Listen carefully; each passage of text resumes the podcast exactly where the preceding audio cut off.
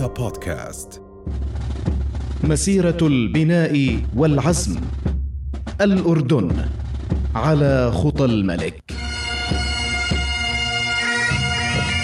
في عمان في الثلاثين من كانون الثاني في العام 1962 ولد جلالة الملك عبد الله الثاني بن الحسين. ولسوف يكبر عبد الله ويترعرع.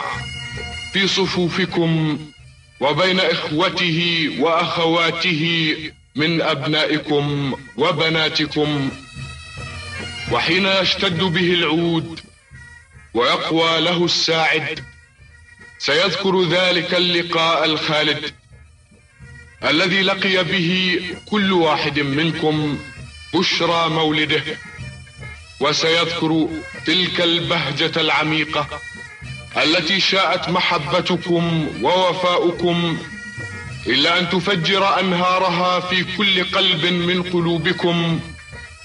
وعندها سيعرف عبد الله كيف يكون كأبيه الخادم المخلص لهذه الأسرة والجندي الأمين في جيش العروبة والإسلام. ولنبني هذا البلد ولنخدم هذه الأمة.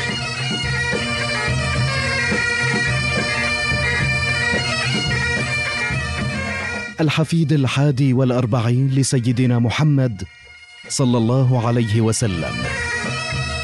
والابن الأكبر للمغفور له بإذن الله جلالة الملك الحسين بن طلال طيب الله ثراه. يواصل الأردنيون مسيرة البناء والتقدم على خطى جلالة الملك. عاقدين العزم على أن يبقى الأردن أنموذجا للإنجاز والعطاء والوحدة الوطنية والعيش المشترك.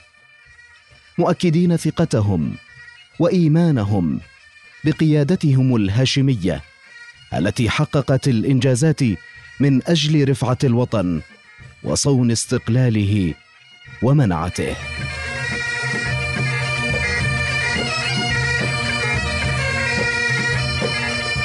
ولقد كانت مراحل حياة جلالته منذ ميلاده في عمان سجلا معرفيا راكم لديه وعيا وثقافة ومعرفة جعلت من سيرته نموذجا لطالب المعرفة من مصادرها.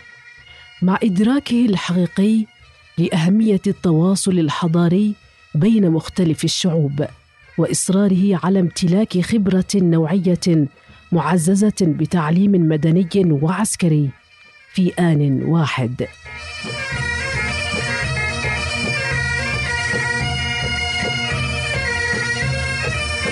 من الكلية العلمية الإسلامية في عمان بدأت رحلة جلالة الملك التعليمية عام 1966 ثم ليكمل دراسته في أكاديمية ديرفيلد في الولايات المتحدة الأمريكية.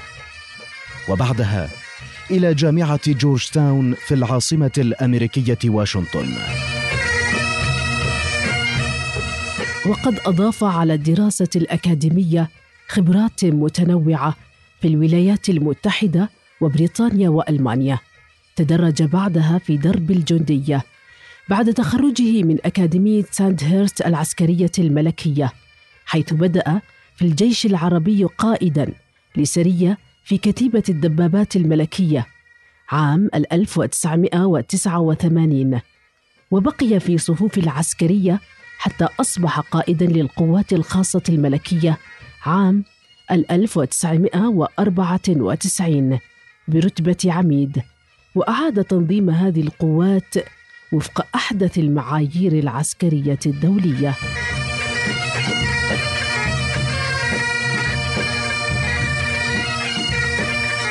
حظي جلالة الملك عبد الله الثاني النوعية المتميزة من التعليم والتي شكلت دافعا قويا لتمكين أبناء وبنات شعبه من الحصول على تعليم متقدم وحديث. وقد عبر عن هذا بقوله طموحي هو أن يحظى كل أردني بأفضل نوعية من التعليم. فالإنسان الأردني ميزته الإبداع وطريق الإبداع تبدأ بالتعليم.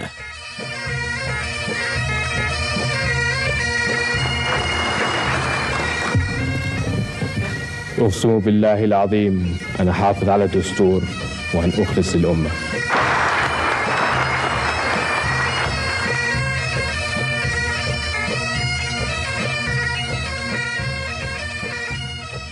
تسلم جلالة الملك عبد الله الثاني بن الحسين سلطاته الدستورية ملكا للمملكة الأردنية الهاشمية في السابع من شهر شباط من عام 1999 وأعلن بقسمه أمام مجلس الأمة العهد الرابع للمملكة التي كان تأسيسها على يد الملك عبد الله الأول بن الحسين بن علي.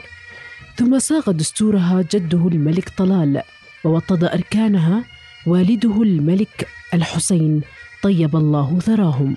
وتولى جلالته في هذا التاريخ مسؤولياته تجاه شعبه الذي اعتبره عائلته موائما بين حماسة وحيوية الشباب المتكئ على العلم والثقافة وبين الحكمة التي صقلتها الخبرات العلمية والعملية. نعيش حياتنا معا مجتمعا متآخيا ومتراحما مثل العشيرة الواحدة. نبني مستقبلنا بتحصين أجيالنا بفكر حضاري مستنير ضد الانغلاق والتعصب وتصليحهم بقيم المواطنة والمبادرة والطموح والتميز. وحبي العمل والإنجاز.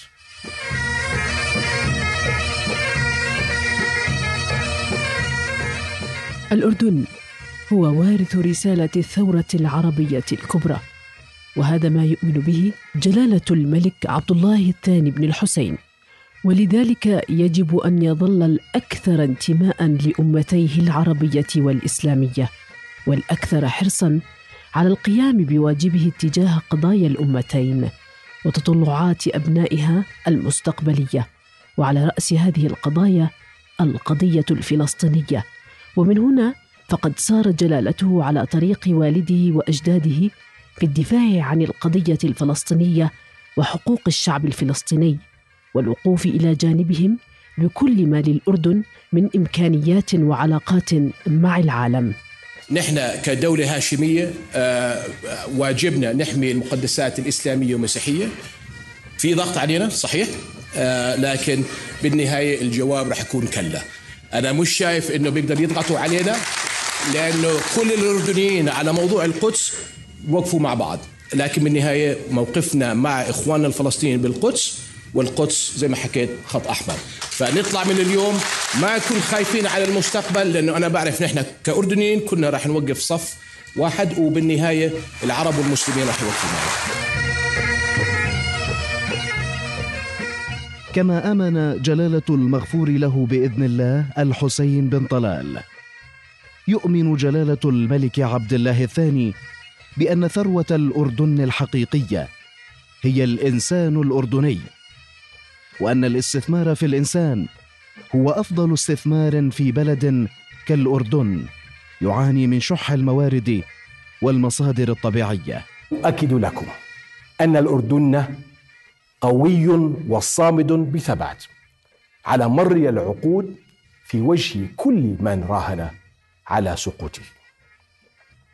وأثبت الأردن أنه أقوى وأكبر من كل ضعاف النفوس الذين يتربصون بالوطن أي فرصة للهجوم عليه. نحن أقوى من أي وقت مضى. وعند المحن تظهر أصالة المعادن. ومعدن الأردنيين هو الأصفى والأبقى والأغلى ينصهر ويتحد أتون الأزمات. بدأ جلالته وانطلاقا من هذه القناعة.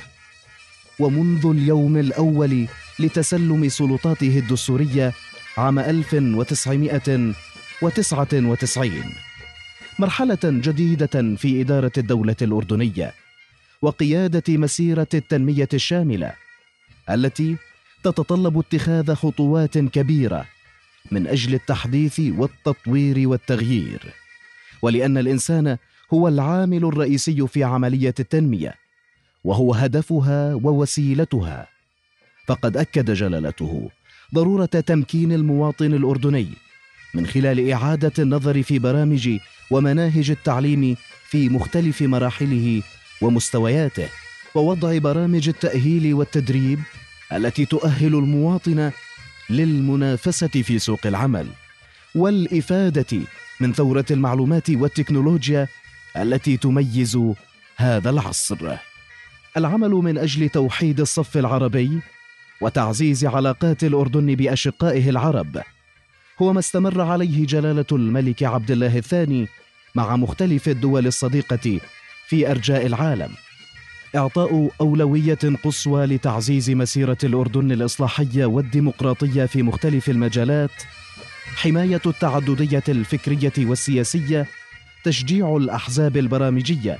واحترام كرامة الإنسان وحرياته في التفكير والتعبير والعمل السياسي. هي الأولوية القصوى لجلالته على الصعيد الداخلي.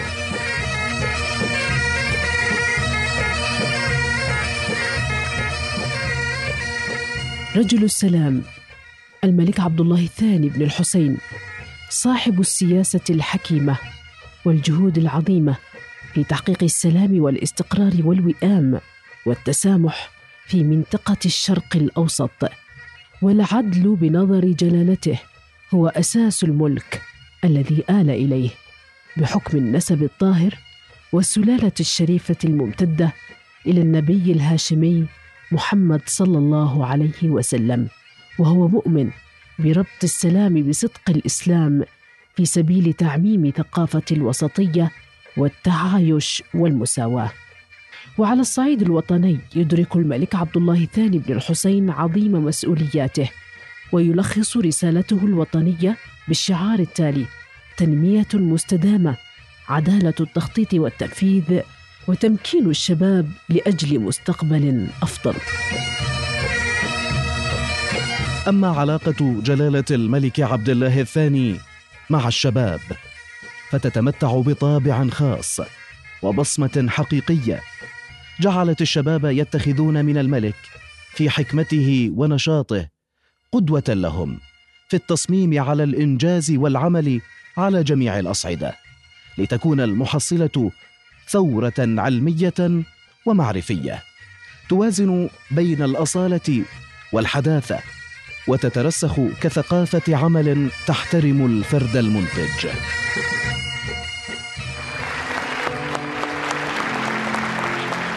الشريحة الأكبر في هذا المجتمع هي أنتم الشباب.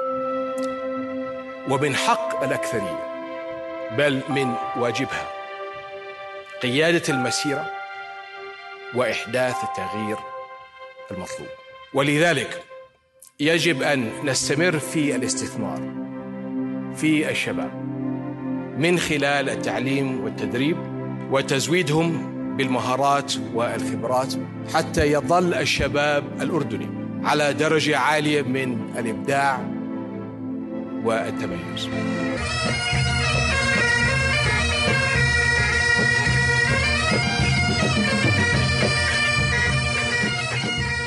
إن جلالة الملك يزرع هذه المبادئ في شباب الأردن الذين يمثلون أكبر القوى في المجتمع.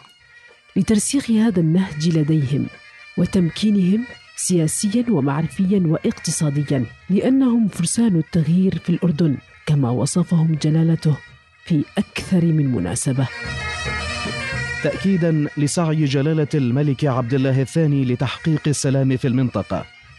قام جلالته بتأليف كتاب السعي نحو السلام والذي صدر باللغتين العربية والإنجليزية. ويستعرض جلالته في هذه المذكرات ويوثق من خلالها أهم الأحداث والمحطات كما يعرض فيه رؤيته لحل الصراع العربي الإسرائيلي. الملك عبد الله الثاني بن الحسين. رجل السلام. رجل السلام. وما أن استقبلت الدولة الأردنية المئوية الثانية وودعت المئوية الأولى في عهد جلالة الملك عبد الله الثاني بن الحسين. حرص جلالته على تكريم أبناء الوطن وبناته ممن ساهموا بإنجازات في تاريخ الدولة حيث النضال والتضحية الذي جاد بها أبناء الوطن لتجاوز المراحل العصيبة. مجسدين بذلك مسيرة البناء والنماء وتأسيس الدولة الأردنية الحديث وتحقيق المنجزات. الأردن أولاً.